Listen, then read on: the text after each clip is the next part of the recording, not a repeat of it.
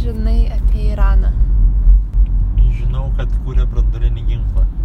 Aš maišau su Iranu ir Iraku, man gėda. Musulmonai ir, ir karai. Mhm. Blogi karai, bet graži gamta.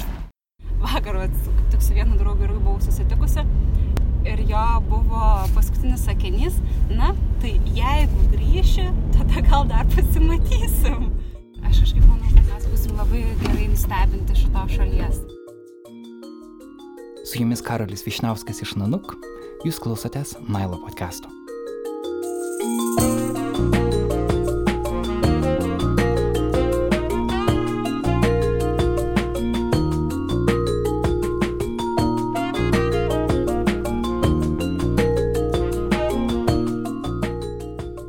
Vienas nuostabiausių dalykų per jau beveik vienerius metus, kai podcastą kūrėme, yra tai, kokius klausytojus pavyko suburti ir šiandien tuo dar kartą įsitikinome. Dabar bus pirmas kartas, kai epizodą ves ne Nanu komanda, o mūsų klausytoja ir Patreon rėmėja. Jos vardas yra Rasa Siminaitė, rudenį keliavo į Iraną ir tą kelionę pavertė podcast'o epizodu. Šiandien yra studija. Labas Rasa. Labas, Karoli. Gera tave matyti. Žinai, įprastai iš kelionės mes parsivežam pilną telefoną nuotraukų, ką beje tu irgi padarėjai. NLT tinklalapyje greta epizodo galim pamatyti ir fotoreportažą iš Irano, bet tu parsivežiai ir labai daug audio įrašų. Tu įrašinėjai savo kelionę į Iraną kaip medžiagą būsimam podcast'o epizodui, kurį šiandien klausytojai išgirs. Papasakok daugiau apie šitą procesą. Aš apskritai labai mėgstu podcastus ir jeigu galėčiau, tai niekada nenusimčiau savo ausinių. Ir man atrodo, kad tas aktyvus podcastų klausimas sukūrė tą didžiulį norą manį pačiai e, sukurti bent vieną epizodą arba bent pabandyti tai padaryti. Ir kai aš nusprendžiau važiuoti į Iraną, pagalvojau, kad šita kelionė talpina savį labai daug temų, kurios gali pavirsti į epizodą podcast'o. Tai dėl to nusprendžiau pabandyti įrašyti tą kelionę ir žiūrėti, kas iš to gausis. Tavo balsas yra toks labai radijiškas, labai podcastiškas. Net kai kalbė apie kažkokias uh, socialiai svarbesnės Irano pusės, visą laiką turi tam tikrą tokią šypseną ar ramybę kažkokią savo balse, kas yra labai maloni patirtis klausant. Ar tu esi anksčiau dirbus radijų galbūt, arba kažką dirbus su balsu? Kol kas nesu, esu tik tai savanoriavusi Aklųjų e, bibliotekoje, kur įrašiau knygą, bet tai buvo tik tai vieną kartą ir viena, viena knyga, bet e, iš tikrųjų ganėtinai dažnai vis dar e, žaidžiu kad esu radio laidų vedėja, kai lieku namuose, o viena automobilyje ar kažkur tai apskritai viena. Man apskritai patinka garsas kaip medija, e, dėl to dažnai įsivaizduoju save radio vedėjos rolėje. Na, viliuosi, kad tai nebus paskutinis kartas, kai tu esi Nailo podcast'o ne tik klausytojų pusėje, bet ir kuriejų pusėje. Ir labai nekantrauju pasidalinti tavo kelionės į Iraną įrašu dabar klausytojams. Pradedam.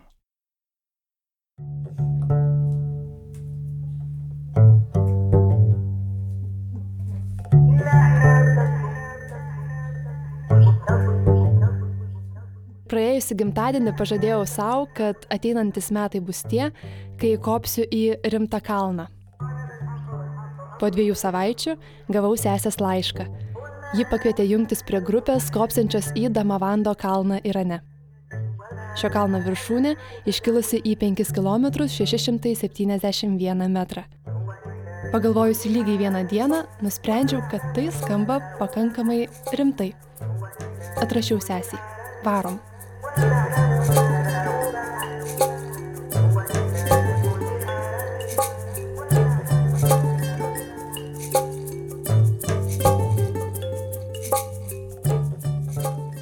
Į kelionę leidosi mano sesė Rūta, E, labas, čia Rūta.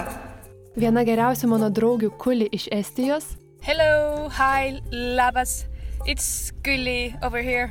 ir dar septyni tada dar nepažįstami kompanionai. Irane planavome praleisti 16 dienų.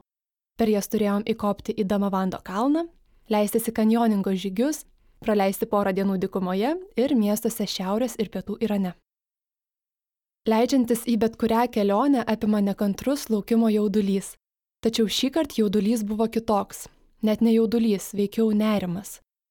Nežinojau, kaip organizmas sureaguos 5,5 km aukštyje, ar įveiksiu kalną, kurį svajojau įveikti, ar savęs neapvilsiu, Bet turbūt labiausiai jaudinausi dėl aplinkinių įspėjimų būti labai atsargiai Irane.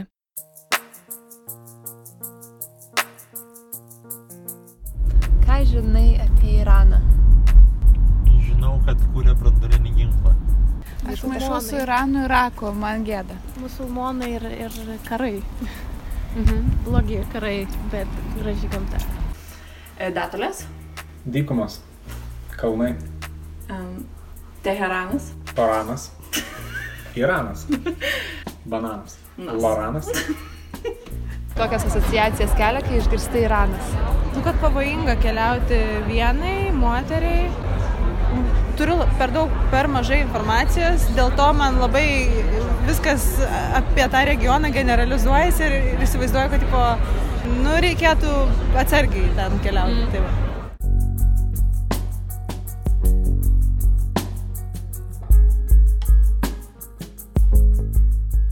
Sulaukiau nuostabos, perspėjimų ir klausimų, kam ten važiuoji, ar nebijai aisis, ar nemanai, kad tave ten pagrobs teroristai, ar nenori palaukti geresnių laikų. Tikiuosi, keliauji ne viena, bus bent vienas vyras. Gavau daugiau perspėjimų ir patarimų pasirinkti saugesnės šalis, nei palinkėjimų gerai praleisti laiką. Nenostabu. Žiniasklaidos pasakojimus apie Iraną ko ne visada palydi žodžiai raketų bandymai, brandolinis ginklas, brandolinė sutartis, teroristai. Taip yra ne tik Lietuvoje. A chilling warning from Iran to Europe and the American bases there. It exports dangerous missiles, fuels conflicts across the Middle East, and supports terrorist proxies and militias such as Hezbollah, Hamas, the Taliban, and Al Qaeda. I think Iran is bringing us closer to war with its belligerent activity in Iraq. The Revolutionary Guard's Quds Force has been moving missiles into Syria that can hit any target inside Israel. Kartą susirašinėjau su draugu, kuris kelionės idėją vertino itin skeptiškai. Nusinčiau jam nuorodą į straipsnį Top 10 priežasčių aplankyti Iraną. Atgal gavau nuorodą į straipsnį pavadinimu Iran Still Kidnapping US Citizens. Vėl nusinčiau raminantį straipsnį ir vėl gavau tekstą apie pavojus. Taip keitėmės nuorodomis, kol pavargau kažką įrodinėti. Vis tiek važiuosiu. O bus, kai bus.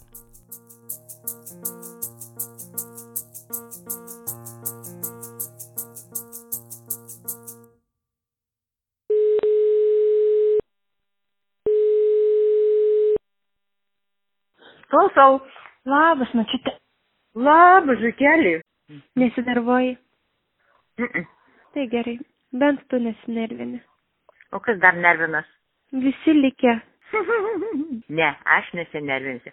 Aš šalia būsiu ir jūs abi saugosiu. Aš žinai, kas, jeigu tu nusijimši kur nors ar kas skauda, žinai, kas pagelbsti? Nu. Gerai nusiteikti. iš, ištyrė, ištyrė mokslininkai. Britų. Ir labai padeda nuskausminti. Iš visų gavau po patarimą, tačiau šis turbūt buvo naudingiausias. Labai labai labai labai myliu, labai labai labai linkiu geros kelionės ir labai labai lauksiu grįžtant. So, how are you feeling? Skrydžio rytą su kulė kėlėmės anksti. Anxious and nervous and um, I have this uh, vibration in my stomach. So we have to sign this agreement between us. What happens in Iran stays in Iran. Of course. Our friendship will not be affected. Paėmėm sesę ir patraukėm į oro uostą. Visi su manim atsisveikino, tarsi matėmės, matytumėmės paskutinį kartą. Bet taip yra su kiekviena tavo kelionė, pavyzdžiui, į Namibiją, kai važiavai irgi. Ne, į Namibiją aš su visais atsisveikinau tarsi paskutinį kartą, o čia kiti žmonės su manim atsisveikino tarsi paskutinį kartą. Vakar, tik su vienu draugu irgi buvau susitikusi ir ir jo buvo paskutinis sakinys, na, tai jeigu grįši, tada gal dar pasimatysim. Ir, nu, o kaip manai, kodėl jie taip sako? Aš manau todėl, kad Iranas dažnai yra tapatinamas su savo kaiminėmis, su Iraku, su, su Afganistanu, kuriuose, nu, iš tikrųjų yra problemų ir yra pavojingos šalis. E, tai va, tai aš kažkaip manau, kad mes busim labai gerai nustebinti šitos šalies. Kol kalbėjom su sese, kuli įsistebėlėjo į artėjantį Vilniaus oro uostą. It is the weirdest looking airport in the whole wild world. And that is achievement. That is a skill.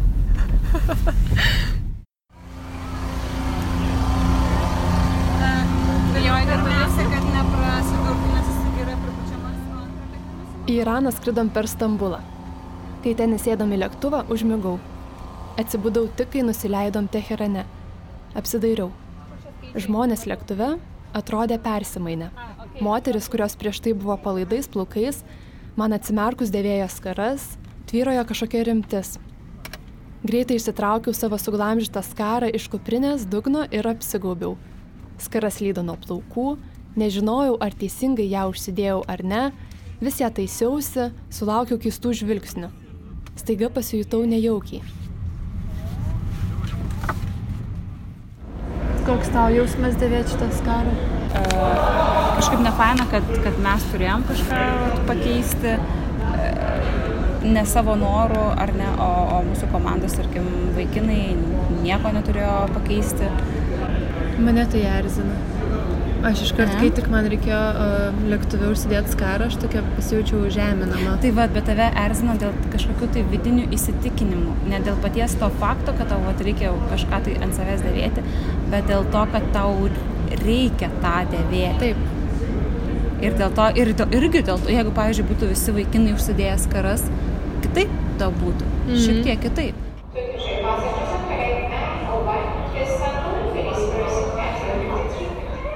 Kol laukiam vizos, dairiaus aplink ir galvojau, ar tikrai viską prisidengiau, ar elgiuosi deramai. Pasakiau sesiai, kad mūsų marškinėliai nedengia sėdmenų ir tai yra negerai, jų gali matytis tik plaštakos ir veidas, o sėdmenės turi būti pridengti ilgais marškiniais. Tad turėtumėm rytoj kuo anksčiau keltis ir nusipirkti kažką ilgesnio, nes kitaip mus čia užbadys žvilgsniais. Tada prie manęs priejo kuli ir paklausė, gal aš žinau, ar moteris čia gali užkalbinti vyrus. Ji ieškojo tualeto, bet aplink buvo tik vyrai, todėl nežinojo, ar gali jų klausti kelio, ar ne. Visos buvom pasimetusios, susikaušysios ir nedrasios. Po valandos laukimo gavome vizas ir vidury nakties nusigavome iki viešbučio Teherane. Išsimiegojome ir tikroji kelionė prasidėjo. Okay, looks like we're going. Amin.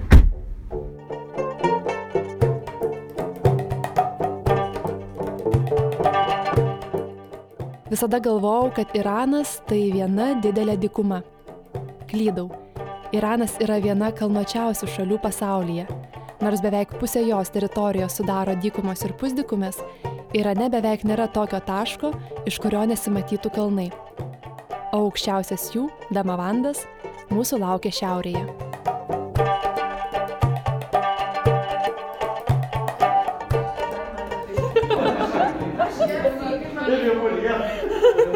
Atvykus į kalnų miestelį turėjome vieną dieną sužinoti visas detalės ir pasiruošti kopimui.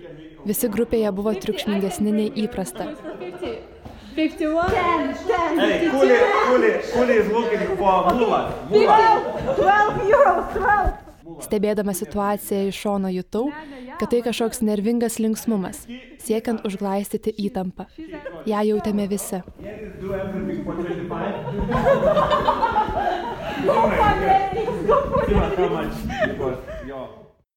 Ko bijau? Bijau, kad man gali pritrūkti oro. O kaip manai, pasieksim viršūnę? Taip, mes tai tikrai. Viršūnę planavome pasiekti per dvi dienas, kiekvieną dieną pakildami po maždaug pusantro kilometro. Tai man pasirodė labai daug. Ne dėl fizinio krūvio, bet dėl to, kad žmogui virš 3 km rekomenduojama pakilti po daugiausiai 500 m per dieną, kad organizmas spėtų aklimatizuotis. Mes planavome judėti trigubai greičiau. Parašiau broliui medikui žinutę. Ką daryti, jeigu pasijausime blogai? Gavau atsakymą. Rizikuojat. Jei blogės savijauta, nejuokaukit. Pagrindinis aukštumų lygos gydimas - nustot kopt, leistis žemyn, jokios tabletės nepadės. 5 km yra rimta. Perskaičiau ir šiek tiek nepatogiai pasimuiščiau. Mm, nežinau, kaip apibūdinti tą jausmą, e, kurį aš jaučiu. Jis yra kur kas stipresnis negu šiaip nerimas. Nes man atrodo, kad e, mūsų žygis e, yra nepernelik ne protingas dėl to, kad mes praktiškai visiškai nedarysim jokios aklimatizacijos. Ir man atrodo, kad toksai neprotingas žygio išdėliojimas mums gali kainuoti tą viršūnę, kad mes, aš tikrai nemanau, kad mes ją pasieksim. Nemanai, kad mes pasieksim? Aš tikrai nemanau, kad mes pasieksim.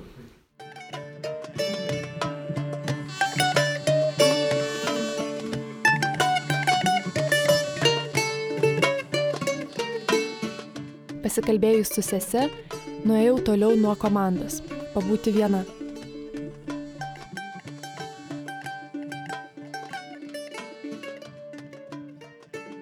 E, man kalnas yra pagrindinis šios kelionės tikslas. Viso kito gali ir nebūti.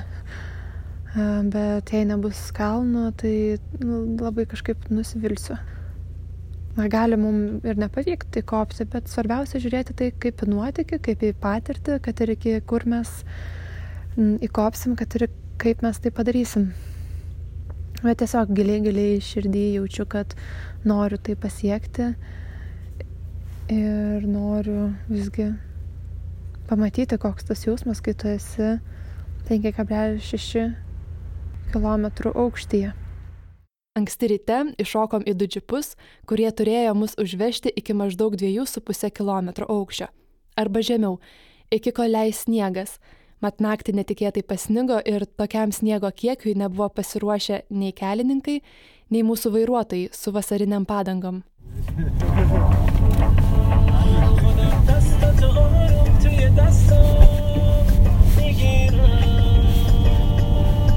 Žiūrėk, ką jų dainas yra. Popsas, rokas, džiazas, metalas ir kiti vakarų muzikos žanrai Irane po 79 metais įvykusios revoliucijos buvo uždrausti. Tai buvo padaryta religiniais sumetimais. Neva muzika teršia jaunuolių sąmonę ir skatina geismus. Moteriams tapti solo atlikėjams buvo apskritai uždrausta. 90-ųjų pabaigoje į valdžią atėjęs liberalesnis prezidentas Hatami sudarė palankesnės sąlygas plėtotis menams, tačiau vėliau kultūra buvo vėl sugriežtinta. Kiekvienam muzikos albumui išleisti reikalingas leidimas, o tekstai griežtai cenzuruojami. Tačiau kai po kelių dienų paklausiau vienos iranietės, ar tikrai jie neklauso jokios vakarietiškos muzikos, ji nusikvatojo ir savo mašinoje garsiai užleido I'm sexy and I know it bet grįžkim prie kalno.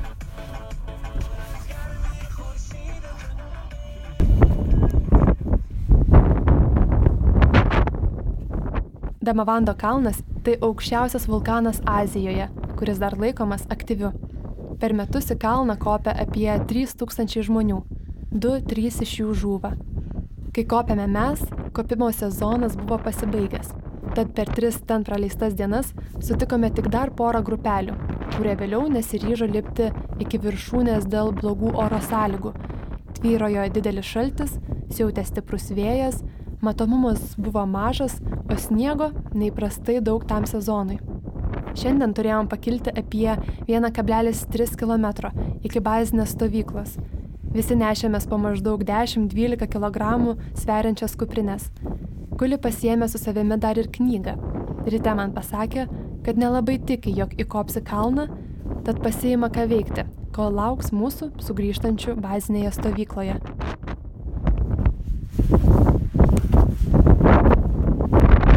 So, short comment, how are you feeling? On 300, I would guess 3700. When you stand, it's totally fine, and like with 10 seconds, your heartbeat goes back to normal and you can enjoy the view.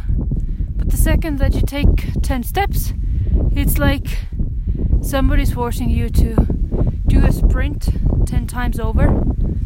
So it's with ups and downs. Uh, physically, we're going up.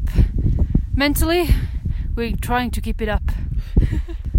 the view, it's like in the movies. But it's just a little bit more better because you have the whole panorama. Tądien kopėme apie 7 valandas. Kai pasiekėme 4 km aukštyje esančią bazinę stovyklą, daugam skaudėjo galva. Visiškai nebuvo apetito, aš ir daugelis kitų turėjom tiesiog prisiversti kažką įsidėti į burną, o kiti taip ir neprisivertė. Laukia buvo labai šalta ir toks vėjas, kurio niekada nesu patyrusi. Prognozijas rodė, kad ryt bus dar blogiau, todėl nusprendėm į viršūnę nelipti, o aklimatizuotis, užlipti iki 5 km ir grįžti atgal į stovyklą.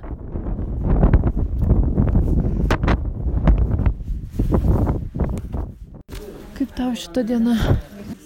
Sunki diena, nes iš 2 km 900 metrų pakilome iki 4,2. Labai pakilimas sunkus. Nemaniau, kad toks bus status tas pakilimas, nes jis iš tikrųjų buvo žiauriai status. Ir ta danga akmenis sumišę su sniegu arba tik tai supluktas sniegas, kai kojos ir slysta. Ir tai, tai va, tai buvo pakankamai sudėtingas, sudėtingas etapas, sudėtingas maršrutas. Einam mėgoti, einam ilsėtis ir žiūrėsim, kas bus ir to ryte. O miegame mes kalnų kaimelį. Visi susidėję tiesiog ant grindų savo kilimėlius, mėgmaišius. Buvo labai šalta, bet sulindami mėgmaišius šiek tiek šilčiau. Labai man patinka, kaip mes čia šiandien mėgosim. Dėl tokių momentų ir verta keliauti. I now have a huge respect for every single person who decides to conquer a mountain. Because right now, uh, when we were walking just outside to um, to get ready for bed, um, it was uh, super mega windy and cold with some snow blowing in your face and uh, yes it's refreshing. Yes it makes you feel alive. Yes yes yes to all those questions and but yeah it's uh, very hard to understand people why on their right mind would they do that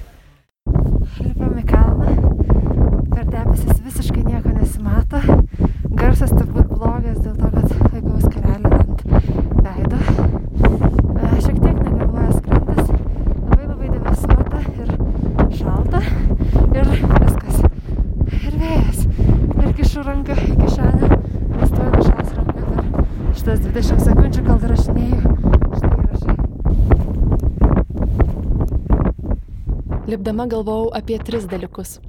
Darant bet ką, kas reikalauja ištvermės, sesė kažkada mane išmokė susigalvoti žmogų, idėją ar kažką, kam dedikuoji savo žygį. Pavyzdžiui, kai šlubavo mano mačiutė sveikata, pirmąjį dešimties kilometrų bėgimą itin karštą vasaros dieną dedikavau jai. Kai tik norėdavau sustoti ir galvodavau, kad toliau bėgti nebegaliu, pagalvodavau apie mačiutę ir jėgų iš kažkur atsirasdavo. Šis žygis taip pat turėjo savo žmogų. Jis labiausiai ir sukosi mano galvoje, ypač kai norėjosi sustoti. Antras dalykas, apie ką galvojau, buvo nieko. Visiškai nieko. Tiesiog stebėjau savo po centimetrą judančias kojas, vieną po kitos ir klausiausi savo kvepavimo. Galvoje buvo visiškai tuščia. O trečias dalykas, apie kurį galvojau lipdama, buvo kodėl. Kodėl žmonės lipa į kalnus? Kodėl aš tai darau? Na gerai, aš myliu kalnus, noriu juos matyti kuo dažniau, bet kam taip rizikuot? Kur slepiasi ta jėga, kuri priverčia žmonės šalti, kesti vėjus, dusti, tempti po keliolika kilogramų, rizikuoti žūti? O juk mums jau antra diena net gražios panoramos nebesimato dėl tiršto rūko aplink. Vėliau jau nusileidus į civilizaciją, mano asmeninis atsakymas į šiuos klausimus paaiškėjo. Bet apie jį galbūt vėliau. Tėtė, koks jausmas, tik tai garsiai sakyk. Nu, blogas, netikras jausmas, nes netikra viršūnė. Kiek liko? Liko 200 metrų. Šiauriai vėjuota. Pagaliau atsirado bent kažkoks vaizdas, nes iki šiol lipom debesyje ir matėsi 15-20 metrų į priekį. Tai uh, prisėdam prieš paskutinius 200 metrų. Kuli.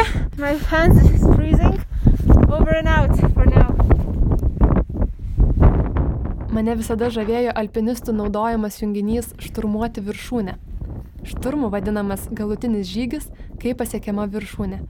Išgirdus šį junginį, galvoje iškildavo bėgantis ir rėkiantis žmonės, išsikreipusiais iš įniršio veidais, drąsiai besiveržiantis į priekį. Žodžiu, kaip iš bet kokio filmo apie gladiatorius. Tačiau realybė tokia, kad šturmas kalne vyksta geriausiu atveju vieno žingsnio per kelias sekundės greičiu tu jauti, kad bet kuri pasaulio sraigė tave aplenktų, o veidai, jei ir išsikreipia, tai nuo degonės trūkumo ir nuovargio.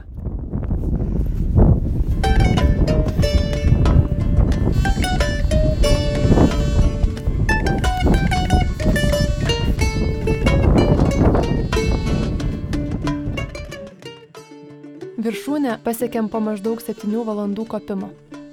Ant jos pajaučiau nieko. Atrodė, kad tai bus tokia išsvajota ir iškovota akimirka, bet kai ten stovėjau ir gaudžiau kvapą, jaučiau, kad tai tik dar viena laikina stotelė atsikvėpimui. Žinojau, kad laukia dar ilgas kelias atgal, kuris tikrai nemažiau sunkus. Ištraukiau rankas iš pirštinių keliems kadrams padaryti, tačiau jos iškart buvo nugairintos didžiulio šalčio, tad suskubau jas vėl įmauti į pirštinės.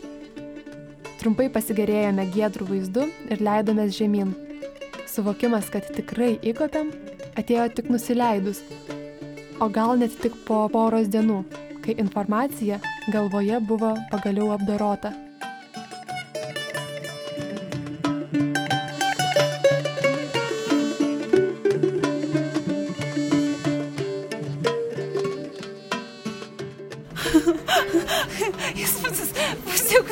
Viršūnę, kad norisi pagreičiau nuo jos nusileisti. Rimtai? Nes ateina ta emocija, bent jau man va dabar pasiekus jau kaimelį, nes nusileidimas buvo ne ką lengvesnis negu pats pakilimas. Nu, Netoks ekstremalus, nes prasidėjo. Jo, bet, bet iš fizinės pusės, kai tu jau esi dasikalęs į viršų ir tada reikia apačią, tada reikia dėliotas žingsnis. nu, su, bet man ta emocija ateina va dabar, kai mes jau padarėm ne viršūnėje, o kai jau viską padarėm, visą kalną. Eina savo. Į civilizaciją grįžome atsipalaidavę, pavargę, išsilgę dušo ir maisto. Kai tik nusileidom iki dviejų kilometrų aukščio, puolėm valgyti už visas tas dienas, kai buvom kalne. Dabar viskas vėl pradėjo stotis į vežes. Visi savyje nešiojomės po mažą pergalę.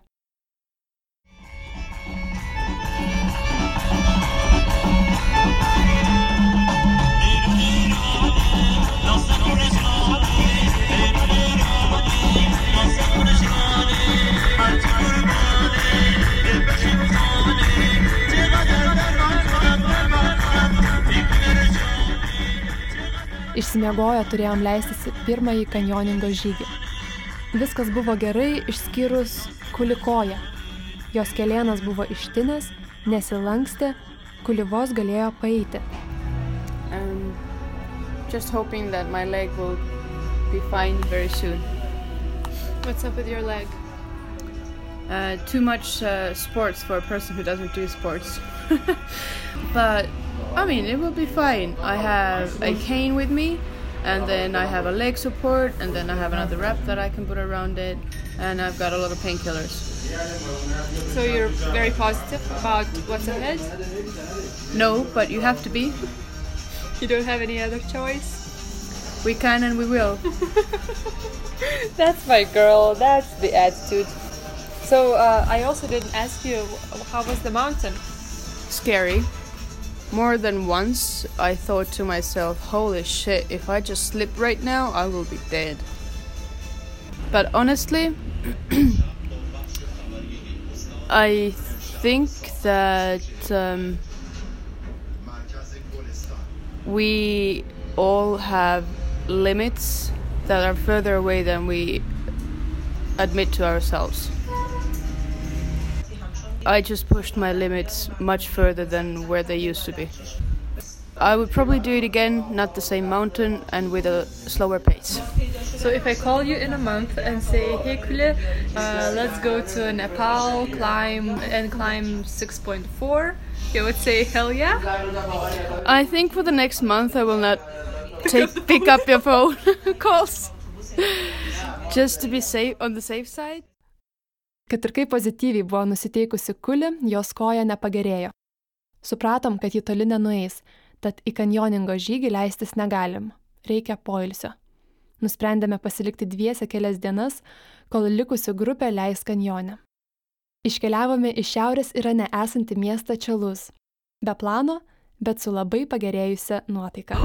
Watermelon, we should get it for the evening, okay? Oh my god, this is gonna be a busy night.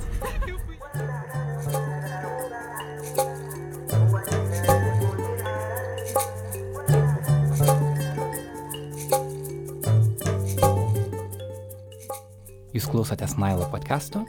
Šiandien specialus klausytojos Rasos epizodas iš jos kelionės į Iraną.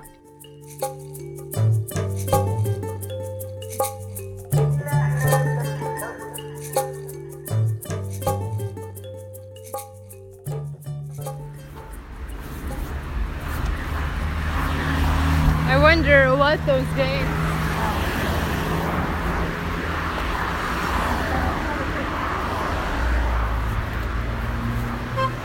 Iš atokių kalnų iškeliavusios į miestą pagaliau turėjom galimybę pajusti Irano žmonės. Likusios dviese jautėmės susikaušiusios. Nežinojom, kaip galime elgtis, juk čia tiek daug taisyklių. Dar Lietuvoje buvau prisiskaičiusi, kad kaip mes galvojame, kad Irano moteris užspaustos, taip Irane vyrauja stereotipas, kad vakarietės moteris yra itin liberalios. Kitaip tariant, pasiruošusios intimiems santykiams su bet kuo. Tad tame mano skaitytame straipsnėje buvo rekomenduota neužmėgsti akių kontakto ir neprovokuoti aplinkinių. Sustojus prie kelio susigaudyti, į kurią pusę eiti, vairuotojai pradėdavo mojuoti, pypinti ir sustoti. Nesuprasdavom, kaip į tai reaguoti. Ar turėtumėm draugiškai pasiduoti galimybei bendrauti, ar nustačiusios rūstų šaltą veidą sparčiu žingsniu keliauti kuo toliau. Rinkomės antrą variantą. Dėl to vėliau gailėjausi ir pamačiau, kaip pati visgi buvau paveikta stereotipų. O tada susipažinom su Sahar. Oh, thank you. 35 metų moterimi, kuri po poros minučių pokalbio tapo mūsų kompanionė ateinančioms porai dienų ir turbūt draugė visam gyvenimui. Sahar dirba draudimo agente. Ji pasididžiuodama pasakojo, kad dar per pirmą savo darbo savaitę apdraudė virš šimto savo kaimynų. Sutikus ją, apima jausmas, kad mes pažįstamos jau dešimt metų. Ji labai tvirta, visat su ištiesta nugara ir aiškiai aplinkiniams pasakanti, ko norinti. Sahar augina dešimties metų sūnų Paham, kurį stipriai skatina mokytis anglų kalbos, nes nesitiki ir nenori, kad jis įsitvirtintų Irane. He's my son. Hello. Hello. Hello. Guli. Yes. Hi, Rasa. What's Nice your name? you. My name is Hannah. Nice to meet you. Nice to meet you. Ji tiki, kad jos sūnaus ateitis Europoje. Taip mąstančių tėvų ir jaunimo Irane, anot Sahar, labai daug. Gyventojų šalyje beveik kaip Vokietijoje - 82 milijonai. Iš jų daugiau nei du trečdaliai jaunesni nei 35 metų. Gyventojų skaičius nuolat auga, nuo 80-ųjų jis padvigubėjo. Todėl Iranas tikrai nestokoja darbo jėgos. Tačiau viena didžiausių problemų yra jaunimo bedarbystė. Oficialiais duomenimis apie 30 procentų jaunų žmonių neturi darbo. Dėl šios priežasties, taip pat dėl didelės korupcijos bei laisvės suvaržymų, daugelis jaunų iraniečių svajoja apie emigraciją. Jie nori išvykti į tokias šalis kaip Australija, Kanada ar Vokietija. Dažnas jaunas žmogus laukia atsakymo iš ambasados. Sahar tvirtai įsitikinus, kad jo sūnus Paham čia taip pat negyvens. All uh, teach, uh, okay? Nuvažiavome pas Paham į anglų kalbos mokyklą. Uh, some um, tourists, they will be really glad. oh, they are tourists. Let's go inside, okay? Okay. Prisėdame išgerti arbatos su dviem mokytojais.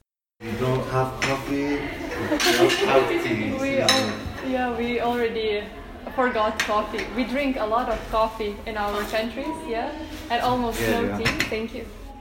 Netrukus prie mūsų prisijungė ir mokytojas Farhad. Man su juo sveikinantis nuo plaukų nuslinko skara. To nepastebėjau, kol mane alkūnėmis nepradėjo baksnuoti kuli. Tai sukėlė mažyti samišį. Oh, sorry. we have problem with that. We cannot get used to it. It's very difficult. And it's slippery. Just uh, she's okay Can with you it. imagine? We have to wear it everywhere. We don't like it. You don't? You don't I myself, I don't like it. And on the streets, I'm just always like a checking. rope around your neck. Yeah. It's like a rope around your neck. Lik virvė ant kaklo, pasakė mokytoja. Taip jautėmės ir mes, nuolat galvodamos, ar atrodom taip, kaip pridera, nuolat taisydamos karas ir sulaukdamos keistų žvilgsnių.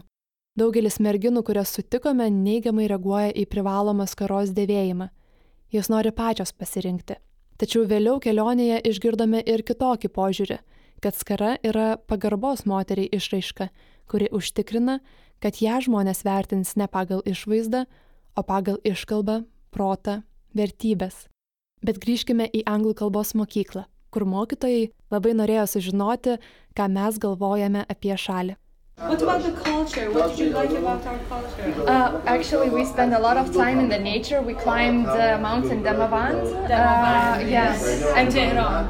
Uh, yeah, and we spent just half of a day in Tehran, and now we came here. So actually, we started socializing only now. But before coming to Iran, we heard a lot about its friendly uh, culture and people. So I can see that, yeah, it was true. Thank you, thank you. It's nice of you to say that. No, but it's true. It's true. I mean, every like we were looking for the clinic today because uh, my knee is hurting a little bit. Why? What, what's the problem? Um, when coming down Damavand, I think I heard it a little ah. bit. So, so I was looking for the clinic today, and we were stopping people. And I was like, "Excuse me, do you know where the clinic is?" And everybody was helpful. Yes. Nobody walked away, but they were like. Even if they didn't speak any English, they would still say, "Go, go, go there," and then let, they would still try. You know, our people welcome people from other countries and they love them, okay? Yes. Especially European people. Yeah. Unfortunately, we don't have the chance to meet them uh, all the time here. But Yeah. as soon as we see somebody, it is like that angel from heaven. for, for the tea and for everything.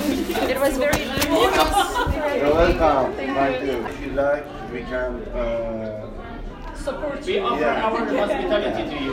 Yes, we want to offer our hospitality. I have your phone number and uh, I have her phone number as well. If you need so- any help, you can call us. Perfect. Okay. Grįžusi iš Irano visiems pasakojau, kad Iranas man turbūt draugiškiausia šalis, kurioje esu buvus.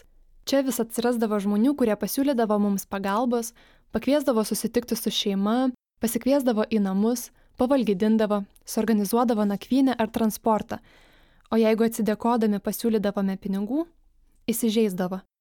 Atsimenu, kaip švedė Kristina Palten, viena perbėgusi visą Iraną ir atvykusi apie tai kalbėti TEDx Vilnius konferencijoje, man pasakojo, kad į šalį atvyko su 20 kg bagažu, o išvyko su 34.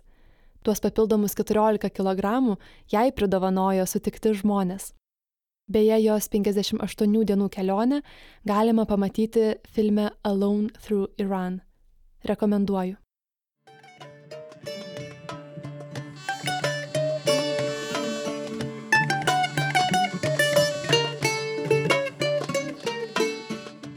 Daugelis mūsų turbūt įsivaizduoja, kad Iranas visada buvo labai religinga, itin konservatyvi, konfliktiška valstybė. Bet taip buvo ne visada.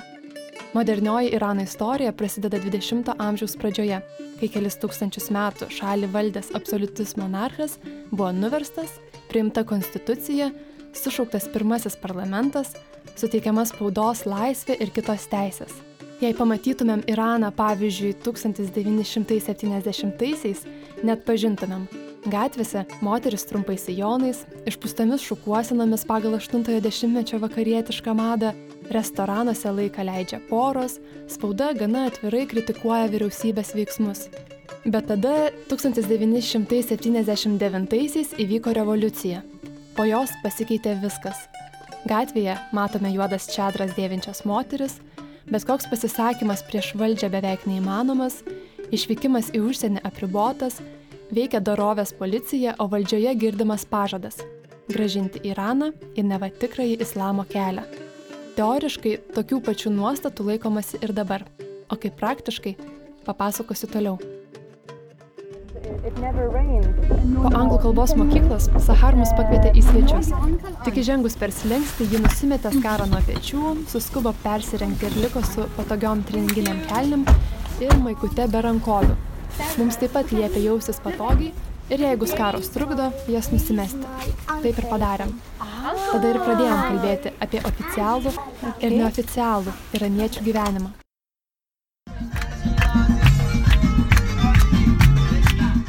Nors moteriams ir vyrams, kurie nesusaistyti giminystės ryšiais, negalima leisti laiko kartu, yra apstu slaptų vakarėlių.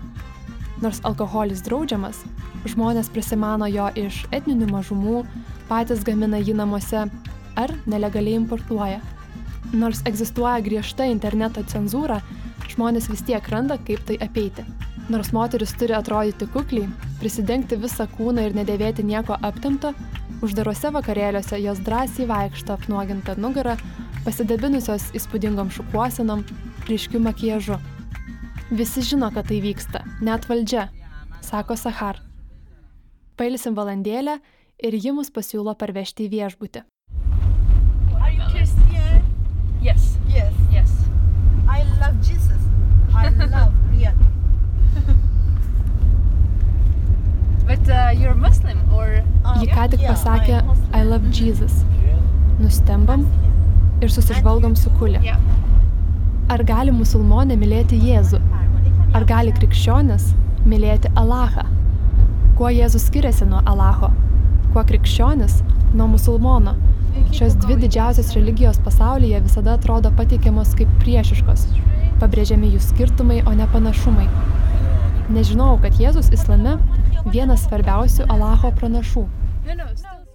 But they say they know they knew the word hello, bye, and this man he Nothing.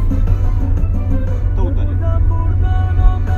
So, it's, it's very impressive. impressive for me. So cool. What did you did you uh, learn about Iran in those two days which we were on real vacation? I don't know what I learned. I know what I saw. I saw a lot of friendly people, a lot of people who are trying to do their best for some greater goal. In our example, how she's doing everything from pretty much when he was born to make sure that he has everything possible for him to move away from here. Whereas maybe I at home have very short time goals and ambitions. Here it's a lifelong step. So that that was very interesting to see. They like uh, Western stuff also. They listen to the music. Fast food is getting popular. They have Instagram and that's quite popular as well. The what surprised me a little bit was well it didn't surprise me but I just didn't think about it before that there's a whole business of um, they have blogs on let's say Facebook and uh, Mhm. Google and that you can have unfiltered or anti-filter programs. So for us it's like we have antivirus and for them it's uh, it's it's different. Anti-filtered social Anti- media. Yeah, anti-filtered social media. So it's fun to know that there's this whole side of a business here for that kind of stuff.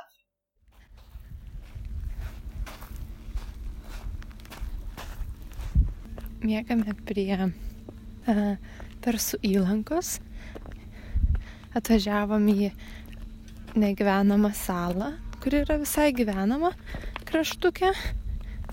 Bet mes miegam dabar ant jūros kranto, pasitėsiam čia savo mėgmaišius ir medžiojam krabus. Kol kas pagavom du, jų čia daug, labai daug gyvybės, visokios kokios. Dabar jau tuoj 12 valanda, su tamsoj, su prožektoriais landžiojam po akmenukais ir ieškom. Žvaigždėtas labai dangus, labai labai labai labai.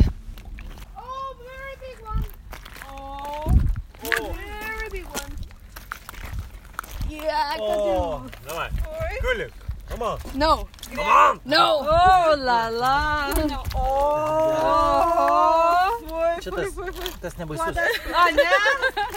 He said this, this one is not scary. This one is not scary. Neduok jam šaukštą, žiūrėk. Yeah, gal su kokiu nors vienu iš dubenėlių. faster? Don't forget the pan. Vien, su vienu iš dubenėlių reikia. Oh, no, no, stop, stop, stop, stop, stop, stop, stop, stop, stop, stop, there, right there. Kuli has a very good hunting eye.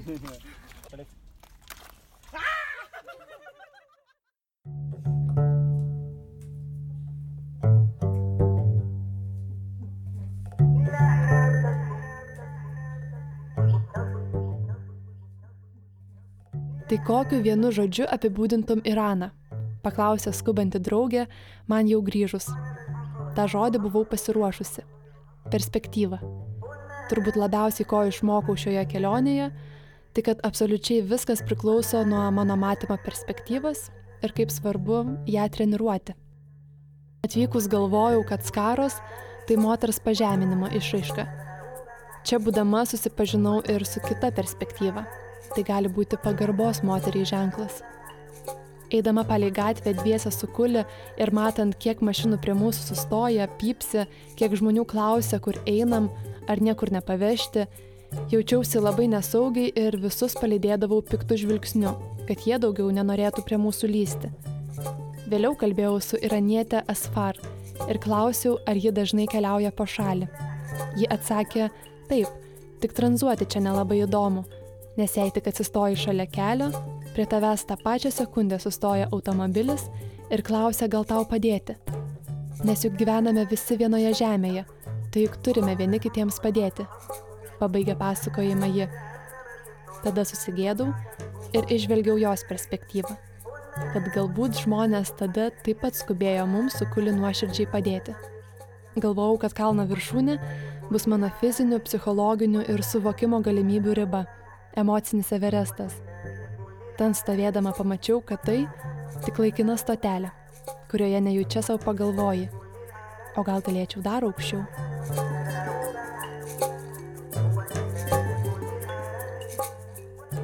Man ši istorija nėra apie Iraną. Veikiau, ji apie tas skirtingas mūsų perspektyvas.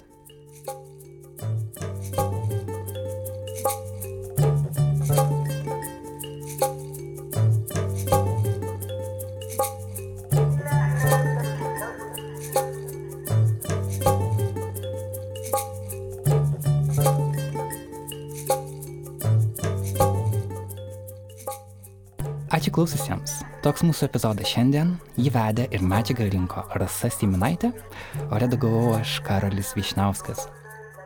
Ačiū kitoje pulto pusėje esančiai mūsų garsistai Katai Bitoft. Ačiū nacionaliniai Martino Mašvido bibliotekai, kurios studijoje mes įrašinėjame. Ačiū Ugniui Raugalui už jo muziką. Taip pat epizode skambėjo šiek tiek autentiškų Irano taksistų klausomų dainų. Ačiū Betlyčiai Bankuskaitį už rasos fotografijas iš studijos. Ir ačiū mūsų naujausiams Patreon rėmėjams. Tai yra Rinolda Jodviršytė, Vitalijus Gailius ir Vainius Indilas. patreon.com slash nanuk multimedia. Keliaukite ten, jeigu norite prisidėti prie Naila klausytojų bendruomenės. Podcastą kūrė multimedijų agentūra Nanuk. Iki kitos savaitės.